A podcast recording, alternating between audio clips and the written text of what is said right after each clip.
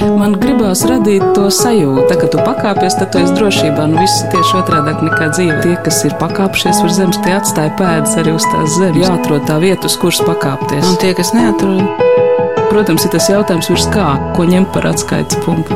augstāk par zemi. Augstāk par zemi. Augstāk par zemi.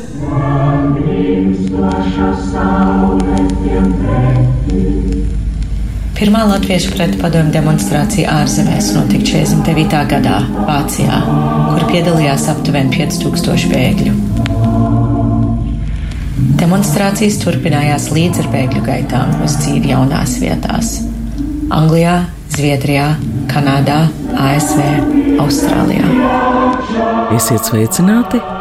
Šis ir fragments no topošās dokumentālās filmas Valiant par augstā kara un dzelzs priekškara laika trimdes latviešu politiskajām demonstrācijām.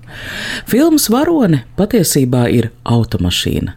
Chrysler Valiants Lansiks, aprakstīta ar pretpadomju saukļiem kā ņetņet Sovietu un Gorbačovai Ellē. Kad Juris Bļotnieks šādā auto braukāja pa savu dzimto štatu, Ņūdžersiju, ASV, un katram, kas ieinteresējās, uzdeva kādu jautājumu, skaidroja, kur atrodas Latvija un kāpēc personīgi viņam ir iebildumi pret padomju varu. Tā bija kā neliela ikdienas politiska akcija. Kopš augstā kara beigām pagājuši vairāk gadu desmiti, automašīna izvilkt no garāžas, drusku uzpucēta, un filmas režisors Mārs Pelēts filmēta, nesen ir atceļojis uz Latviju. Kļūstot par filmas veidotāju, muzeja un pētniecības centra Latviešu pasaulē krājuma izmēros lielāko eksponātu. Pagājušā gada 18. novembrī filmas pabeigšanai tika rīkota arī ziedojuma akcija. Tas bija astoņu stundu zum maratons, kurā latvieši visā pasaulē dalījās atmiņās par dalību kādreizējās protesta akcijās. Patiesību sakot, daudz no šiem stāstiem jau iepriekš bija izskanējuši, dokumentēti, iegūluši krājumā, jo trimdas laika politiskās aktivitātes muzejas latviešu pasaulē pēta jau gandrīz desmit gadus. 2018. gadā iznāca grāmata ar nosaukumu Ņetņet Soviet. Šogad bija plānota tāda paša nosaukuma izstāde. Pat labam termiņi pabīdījušies mazliet uz priekšu, filmas variantu pabeigšana tiek plānota 2022. gada 1. jūlijā, un cerams, ka šovasar Nacionālās bibliotēkas telpās būs iespēja parādīt arī izstādi. Mans vārds ir Anna Buševica. Sekojošajā pusstundā dzirdēsiet fragmentus no jau minētā astoņu stundu Zoom maratona. Taču saruna ar Muzeja un pētniecības centru Latviešu pasaulē izpildirektoru Jau Vītolu un galveno kuratoru Marijānu Auliciem sāksim ar kādu priecīgu jaunumu. Muzejs Latviešu pasaulē ir saņēmuši akreditāciju. Jā, Nu, es apsveicu, ko tas nozīmē. Tas nozīmē, ka jūsu krājums tiek garantēta viņa saglabāšana mūžīgi mūžos. tas nozīmē to, ka mūsu krājums, kuru veido jau vairāk 18,000 vienību, un kuru mēs esam faktiski vākuši 11 gadus, jo muzejs jau 14 gadu aktīvi strādā un vāc liecības par diasporas mantojumu. Nu, tagad, kopš akreditācijas, skaitās Latvijas nacionālais krājums. Tā ir, ka viņam tad garantēta tā saglabāšana un arī valstiski atzīts status tam. Varbūt vietā te būtu paskaidrojums, ka muzejām latviešu pasaulē diezgan neierasti, bet pagaidām nav savas pastāvīgas izstāžu vietas. Krājuma muzejs atrāda internetu mājaslapā, sociālā tīkla Facebook profilā, un tur ir gan vērts ielūkoties, kaut vai lai pārliecinātos, ka muzejs vāc ne tikai rietumu trimdas liecības. Ieva Vītola, piemēram, muzejā ienāca līdzdarbojoties austrumu puses izceļotāju Baškīrijas latviešu liecību saglabāšanā. Marijānas Auliciem stāsts gan ir ciešāk saistīts ar mūsu šodienas sarunas tēmu. Jo tu esi no Austrālijas, un cik es zinu, arī Austrālijā tu strādāji muzejā. Jā, es mācījos antropoloģiju Kvīnslandes Universitātē, un pēc tam es sāku strādāt Viktorijas muzejā, kas ir ļoti liels tāds apgabala muzejs. Un man bija tā laime sākt strādāt tieši imigrācijas muzejā uzbūvē, kas ir viena tāda filiāla Viktorijas muzejam.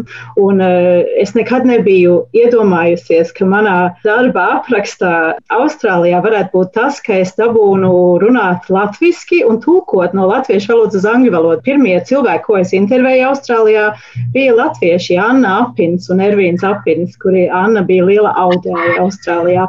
Un muzejs tobrīd bija ievāc viens viņas stelles, un tad es dabūju ar Annu runāt par vēsturi, kas bija ļoti jauka. Niet, niet, soviet. Tātad tas ir uzraksts uz konkrētu krekliņu. Šo krekliņu veidoja Pēters Elfets, kurš tagad ir Latvijas vēstnesis Grieķijā ar savu brālēnu. Kreklu veidoja Es, mans brālēns Džeja Nikolsen un Juris Raiska apmēram 84. gadā pirms Alijas Amerikas Latviešu Andrijas apvienības kongresa mums nepatika tas oficiālais krekls. Mēs uzskatījām, ka tas nav pietiekami politisks un mēs gribējām kaut ko citu. Pirms pāris gadiem māsas gala teica, ka vajag atjaunot, un tā tapa jaunais krakls. Diemžēl cerējām, ka viss tas beigsies ar Afganistānu, bet, kā varat redzēt, bija jāpieliek arī Gruzija un Ukraina. Krakls kļuva par tādu neformālu uniformu, ejot uz latviešu un baltiešu demonstrācijām. Un tad eh, to kreklu izdalīja, tur pārdeva visos dziesmu svētkos, visos iespējamos sarīkojumos. Arī sāka ražot citi cilvēki. Trimdā, kam ļoti patika, piemēram, Austrālijā, es zinu, ka kāds sāka vienkārši ražot savus. Un uh, mēs visi tad trimdā tos kreklus vilkām tajos 80. un 90. gados un ļoti aktīvi uz demonstrācijām, uz skolu, uz veikalu, visur. Jo tur runā pirmajā personā, mēs vilkām, tātad tu arī vilki. Kādas ir tavas Jā. personīgās atmiņas? Es biju mazliet, ka mēs esam vākuši tos stāstus par demonstrācijām. Galvenokārt 80. gados gāja, gāja vaļā tādas ļoti, ļoti aizraujošas un interesantas un izdomu pilnas demonstrācijas. Un tajā laikā es biju mazliet jaunāka. Manas personīgās atmiņas, es atceros, ka mamma un tēvs mūs aizvilka ar brāli vienreiz uz tādu demonstrāciju, ko rīkoja grupa, kur bija pret kodolieročiem, un tajā brīdī iebrauca kaut kāds kuģis eh, Brisbānē, kurā bija kodoļi kaut kādi ne ieroči, bet kaut kāds tur radioaktīvas vielas. Un tad mani vecāki bija izdomājuši, o, super, mēs varam izmantot to demonstrāciju, lai aiziet un demonstrēt par to, ka Latvijā ir okupācija un ka tur arī Padomu Savienība izvieto savus ieročus. Tas bija ļoti tā, cilvēki nesaprot, kāpēc mēs tur esam. Man brāli nosauc par nacistu, mēs saskumām un aizgājām mājās. Bet tad vēlāk, kad es biju vecāka, un tas bija jau 80. gadu beigas, tad jau mēs tā kā ikdienā demonstrējām. Mēs vilkām to kreklu, mēs stāstījām visiem draugiem, paziņām, austrāļiem, universitātē, skolā par to, ka Latvija ir okupēta, un visu laiku mēģinājām pievērst cilvēku uzmanību pie šī fakta. Austrālijā jau neviens nezināja, kur ir Latvija. Nu, ļoti retām cilvēki saprata, kas ir Latvija mēs jūtam to atbildību visiem šo izstāstīt. Šajā sarunu maratonā, kas 18. novembrī notika Facebookā, runāja arī no Austrālijas Valda Liepiņa, ja? Valda bija ļoti aktīva Melburnas latviešu sabiedrībā.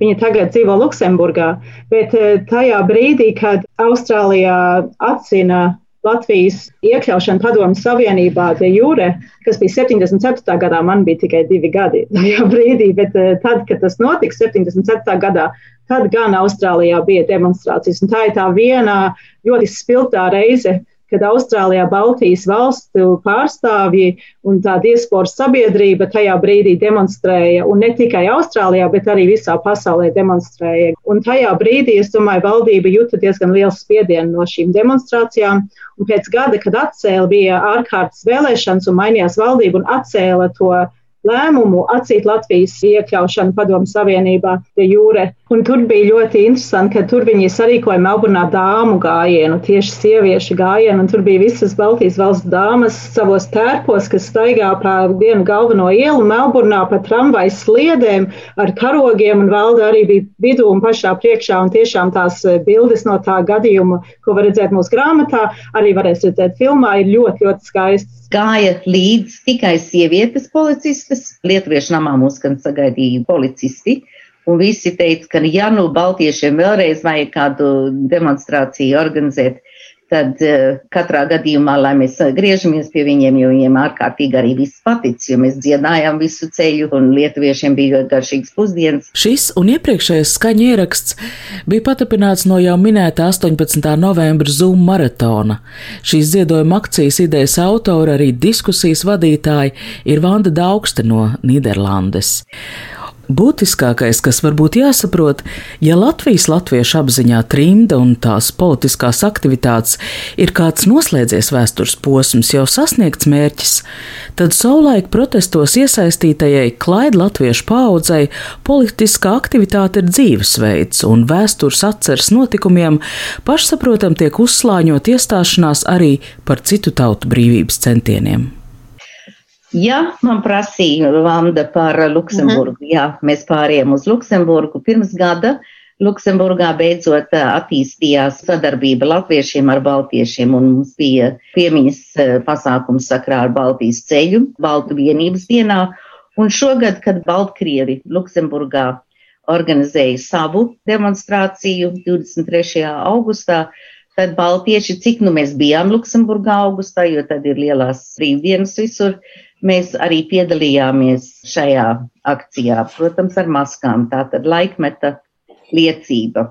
Materiāla grāmatai un izstādē Ņetņet Soviet visintensīvāk tika vākt laikā no 2013. līdz 2017. gadam. Man vēl interesē par jūsu ekspedīciju. Kur jūs bijāt? Kāds bija varbūt tās emocionālākās sarunas? Laiks atkal ieva laikam iesaistīta. Viena daļa tā saukto lauku pētījums faktiski notika tepat Latvijā, jo tas ir zīmīgi, ka daudzi no tiem, kas agrāk bija aktīvi demonstranti vai politisku akciju rīkotāji, viņi ir atgriezušies uz dzīvi Latvijā. Tad mēs viņus satikām un intervējām. Un es atceros to savu pirmo interviju, kas notika arī īpašā vietā Stūra mājā, kur tajā laikā strādāja Aija Abens. Viņa savā laikā Ziemeļamerikā bija diezgan aktīvā politisko demonstrāciju gan dalībniece, gan rīkotāji. Es atceros to sajūtu, kad uh, pēc intervijas, kur ilga apmēram stundu, varbūt mazliet vairāk, es iznācu ārā uz uh, ielas un domāju, kā es tā vispār par to tik maz uh, zinu. Faktiski vispār neesmu zinājis, neesmu apjautas par to, ko um, trimdas latvieši ir darījuši. Un otrs pārsteidzošais moments bija, ka cik viņi bija tomēr izdomas bagāti un tādi drošsirdīgi, jo man atšķirībā no Marijanas uh, nav demonstrācija pieredze. Man vienīgā tā pieredze ka man mamma un tētis paņēma līdzi Baltijas ceļu. Un tad uh, es biju arī ekspedīcijā ārpus Latvijas, kad mēs 2016. gada maijā ar Marijanu devāmies jā, uz Ziemeļameriku, un tad mēs tādā nopietnā triju nedēļu darbs faktiski, braucot no vienas kopienas centra uz otru. Gan Bostonā, gan Filadelfijā, gan Ņujorkā mēs bijām. Jautājums, ko es gribu pārunāt tieši ar Ievu Vītolu ar kuru man ir līdzīga nesenās vēstures pieredze. Es jautāju, vai viņai nešķiet, ka patiesībā arī tagad, joprojām, mēs nepietiekam zinām to cilvēku stāstus, kas protestē vienatnē, ne uz ko necerot pret skaidru pārspēku, nevis tiem, kas bija barikādēs vai dziesmotos revolūcijas laikā, bet tiem klusajiem varoņiem, kas, piemēram, savā pilsētā uzvilka sarkanbaltu sarkano karogu. Mēs, kā muzejs, piedalījāmies arī Latvijas muzeja kopistādes Latvijas gadsimts veidošanā. Un es tur tieši to atmodas sadaļu kūrēju un organizēju arī saturu un pārējo muzeja sadarbību. Un tur ļoti parādījās tas, ka faktiski tās diezgan tāds anonīms un maz zināms laiks ir. Jau iznākušī grāmata Ņetņet Soviet palīdz saprast arī, ka trimdas gadu latviešu politiskajām demonstrācijām gandrīz pusgadsimtu garumā ir bijuši vairāki prasībās iespēja politiskā konteksta ziņā ārkārtīgi dažādi posmi. Bija viena ļoti liela demonstrācija, kas notika Cufenhausenā, man liekas, 49. gadā, un tā ir pirmā un vienīgā īstenībā, par ko man pašlaik stāv atmiņā, kas bija tieši dīpīšu nometnēs, ja bēgļu nometnēs pēc otrā pasaules kara.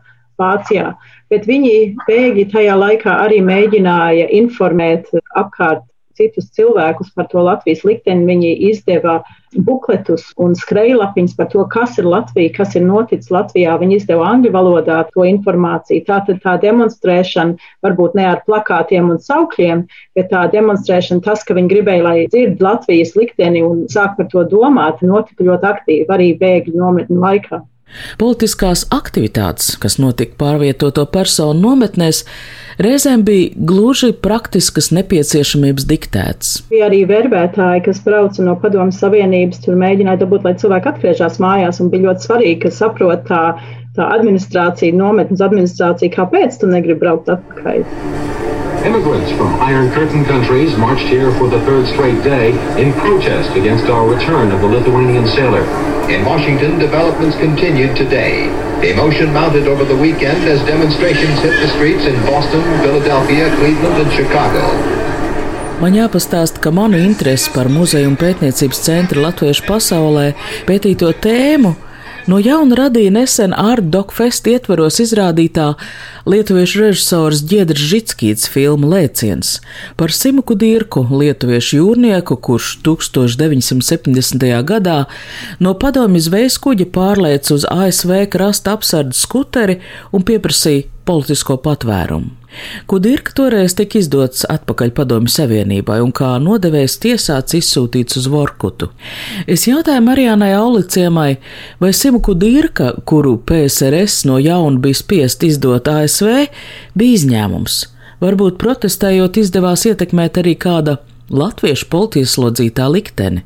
To es neesmu nekad dzirdējis. Ļoti daudz reiz arī tieši jauniešiem bija uzrakstīts, jā, palikt ieslodzīto vārds uz krekla, un tad tu, piemēram, pieķēdējies pie padomu savienības vēstniecības tur eh, vārtiem, un tad tu novelc savu džemperu, un tur ir tas cilvēka vārds, un tad tu tev ir kaut kas ļoti konkrēts, par ko tu vari stāstīt. Un, man liekas, tur tā doma bija, ka tu vari citu cilvēku uzmanību notvert ilgāk, ja tu runā ļoti konkrēti par vienu cilvēku, kas viņam ir nodarīts, kas ir viņa vārds. Nevis tikai kaut kāda abstraktā doma par valsti, kurai vajag brīvību, bet tas ir tāds konkrēts veids, kā piesaistīt uzmanību.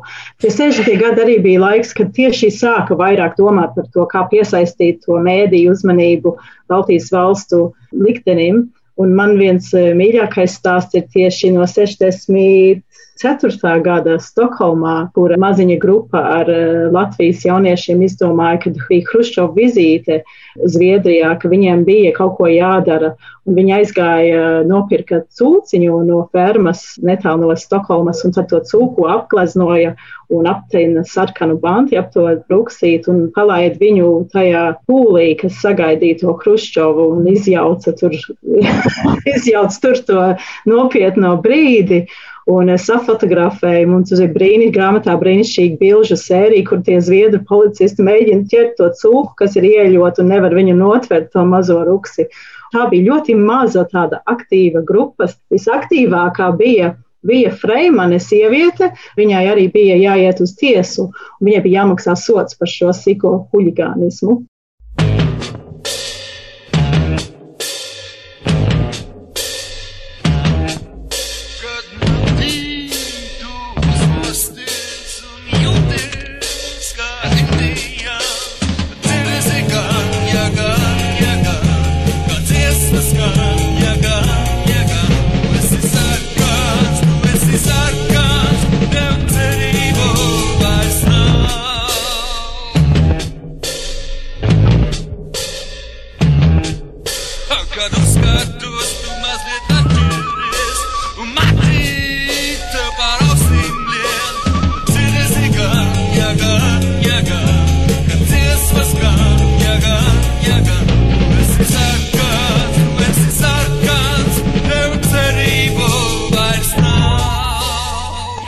Grupa Dundurs no Zviedrijas 1973. gads dziesma Tu esi sarkans. 60. un 70. mīja 20. gadsimtā vispār bija tāds trauksmains laiks. Hipija, zaļo kustības aizsākums, studentu nemieri, padomju tanki Prāgas ielās un protesti pret karu Vietnamā, ASV vai protesti pret Baltijas okupāciju kaut kādā veidā iedvesmojās, iekļāvās šai kustībā. Marijāna Auliciem saka, ka runas par ekoloģisko situāciju PSRS ir bijušas, un tomēr pretpadomju protestiem bija sava specifiska auditorija. Lai gan tieši paņēmienu ziņā protestētāji gan iedvesmojās. Tā bija sava veida konkurence dažādo vēstījumu starpā, kur galvenā balva bija iekļūšana kādā no lielajiem ziņu mēdījiem.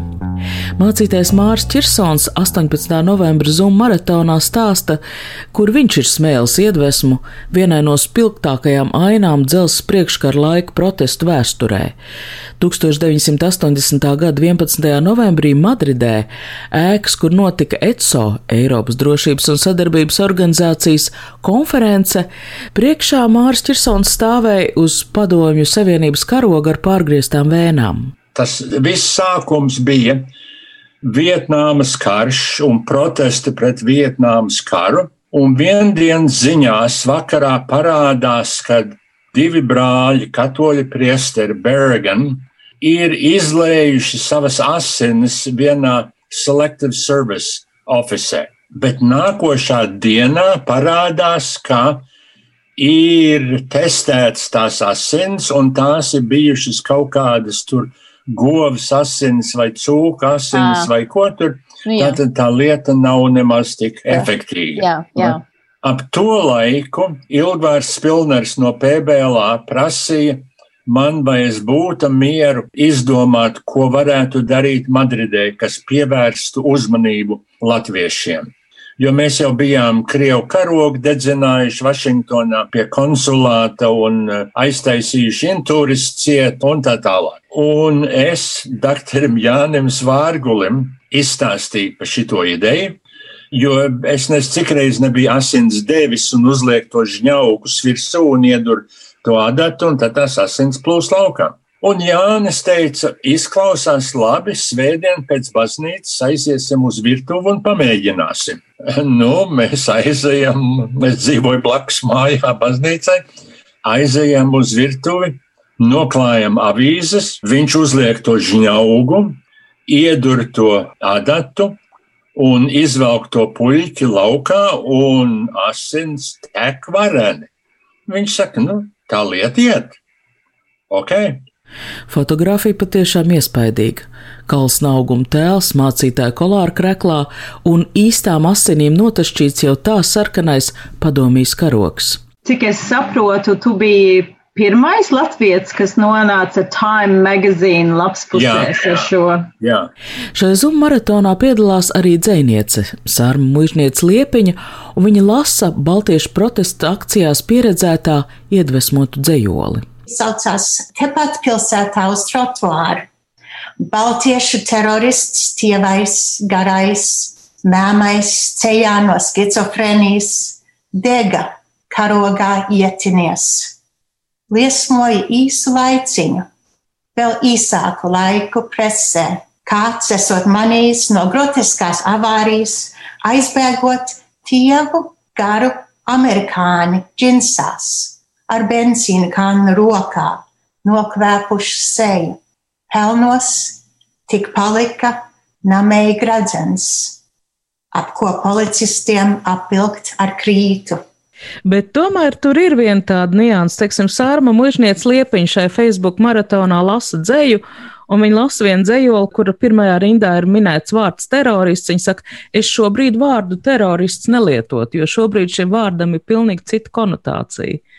Kurā brīdī šie jociņi pāraug jau tādā, hmm, nu, likuma pārkāpumā? Bija viens tāds brīdis, cik es saprotu no sarunām Vīnē, 1986. gadā Vīnē notiek ikgadējā ECO konference. Uz tām latviešiem braukt un protestēt jau bija kļuvusi par tradīciju.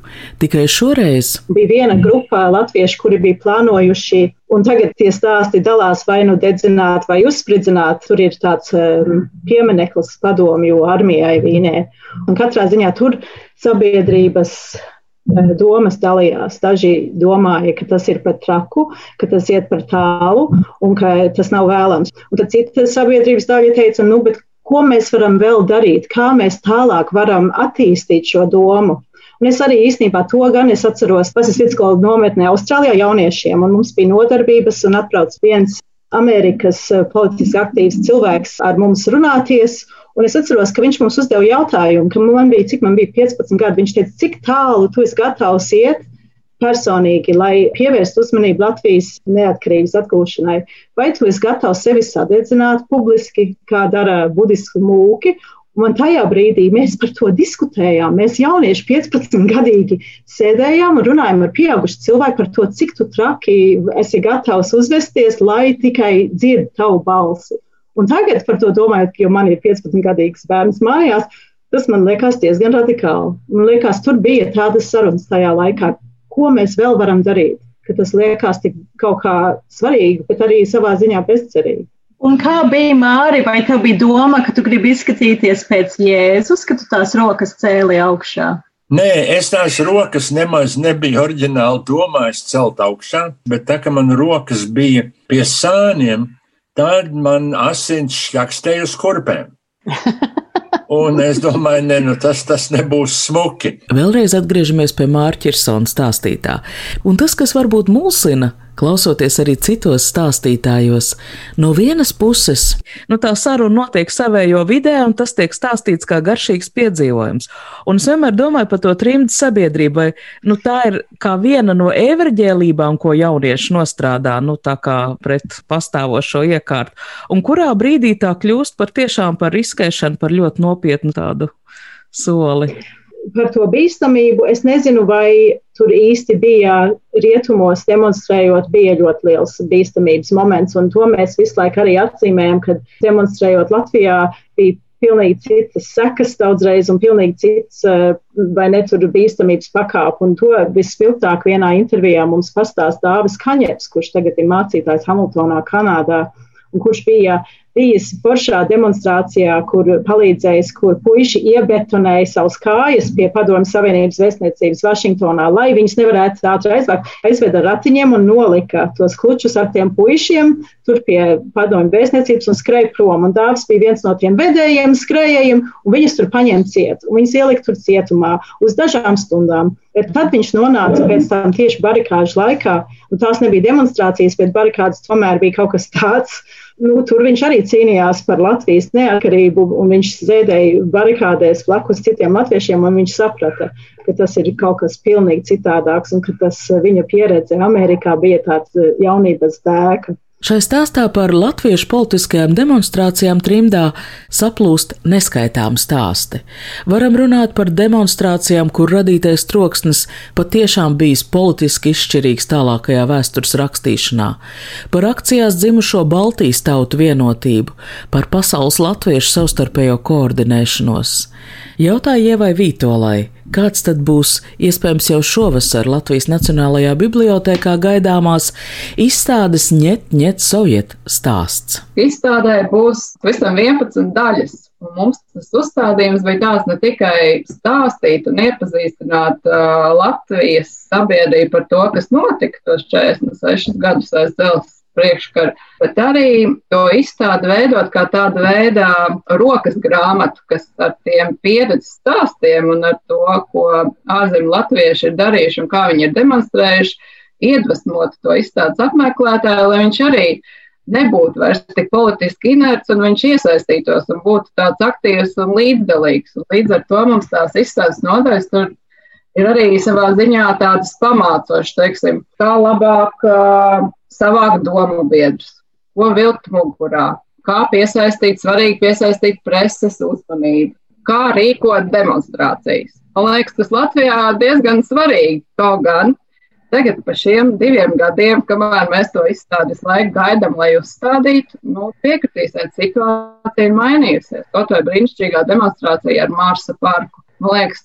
tomēr cilvēki kļūst arvien aktīvāki, un mēs vairs nevarēsim, mums būs jāmaina ievateksts, kur mēs tā vai citādi brīnamies un norādam, ka Latvijā ir par maz tā politiskā līdzdalība. Bet tā demonstrācija rokas grāmata, kas Facebook diskusijā vairāk kārtīgi tika pieminēta, tāda reāli pastāvēja grāmata. Jā, laikam jā, bet es vēl neesmu priekš muzeja krājumu varējis vienu sagādāt. Tad man ļoti interesē šī rokas grāmata, jo tāda ir bijusi, un to es saprotu, ir izdevusi Amerikas Latviešu jauniešu apvienība. Bet, eh, ja kāds šo klausās, un viņiem ir tā rokas grāmata, viņi varētu man lūdzu atsūtīt uz muzeju vismaz kopiju, lai es varu viņu redzēt.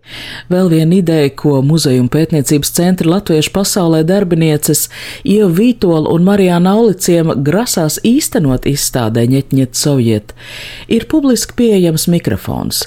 Iespēja izstādes apmeklētājiem pie tā pieiet un pārbaudīt savu drosmi. Vai konkrēti tu spēj visu acu priekšā tajā kaut ko iekliegt?